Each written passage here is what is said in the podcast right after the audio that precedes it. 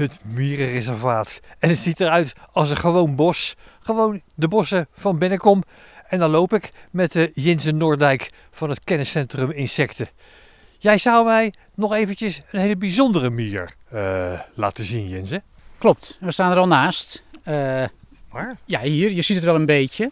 Oh. Uh, het is een beetje vrij. Er liggen niet zoveel blaadjes op. Die hebben de mieren weggehaald. Er ligt wat gras omheen.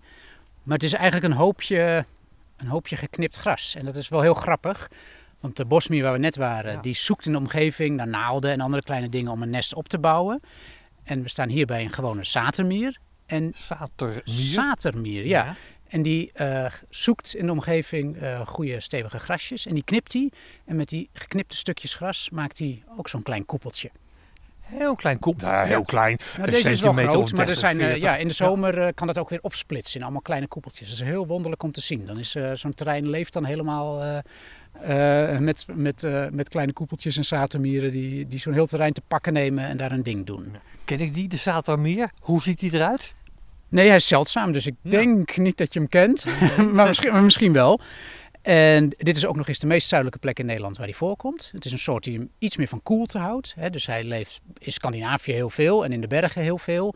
En in Nederland, nou ja, in het noorden tot aan uh, Bennekom. En, maar, maar zuidelijker niet. Dus wat dat betreft is dit een heel bijzonder uh, nest waar we nu bij staan. En hij heet Satermier omdat uh, ja, hij heeft eigenlijk aan, de, aan zijn koprand, de kopranden gaan iets omhoog. Waardoor het lijkt alsof hij uh, twee horentjes ah, heeft. Horentjes. Ja, dus een, een duivelsmiertje, oh. zeg maar. En dat is heel handig om wat extra ruimte aan de zijkant van je kop te hebben. Want dan kan je stevig kaakspieren inzetten. En dan zijn je kaken steviger. En dan kan je gras knippen en vijanden wegjagen.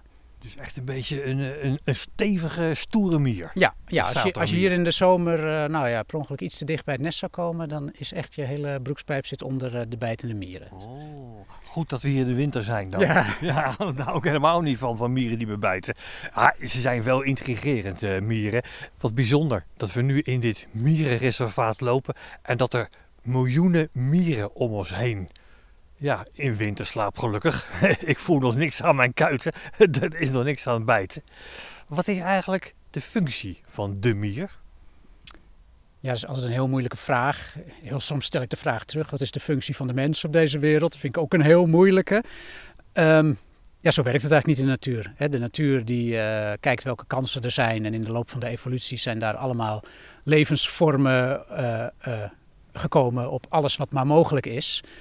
En omdat dat al zo lang speelt, uh, zijn alle verschillende soorten die hebben zich op elkaar aangepast en die leven met elkaar samen in heel complexe uh, voedselwebben eigenlijk en, en, en, en, en, interacties. En dat is heel mooi, dat is, uh, heel, ja, dat is zoals het is, zou ik bijna zeggen. En als dan dingen wegvallen, dan weet je ook niet wat er verderop gaat gebeuren met, met alle andere soorten. Dus je, ja, je wil natuurlijk uh, dat voedselwebben intact zijn en dat interacties intact zijn. En dat is mooi en ja, zoals de natuur het bedoeld heeft.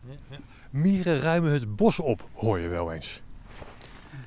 Ja, ze eten veel en, en, en op de plek waar ze zijn, daar zijn er ook veel. Dus daar uh, hebben ze een aardige, aardige functie in het... Uh, alles wat uh, dood is, ruimen ze op. Maar kleine beestjes die, die leven, die eten ze ook weg. Hè. Dus, dus op sommige plekken, als echt heel veel kale bosmieren bijvoorbeeld zijn, dan zal je daar wel iets minder andere insecten vinden.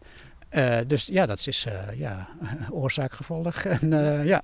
En natuurlijk zijn de spechten heel blij met mieren, want die eten ze. Ja, de spechten zijn heel blij mee, maar wat heel veel mensen niet weten is bijvoorbeeld de pad. Die eet ook verschrikkelijk veel mieren. Ja, die hopst heel langzaam over de grond en die mier loopt ook daar op de grond. En elke mier die die ziet, die hapt hij naar binnen.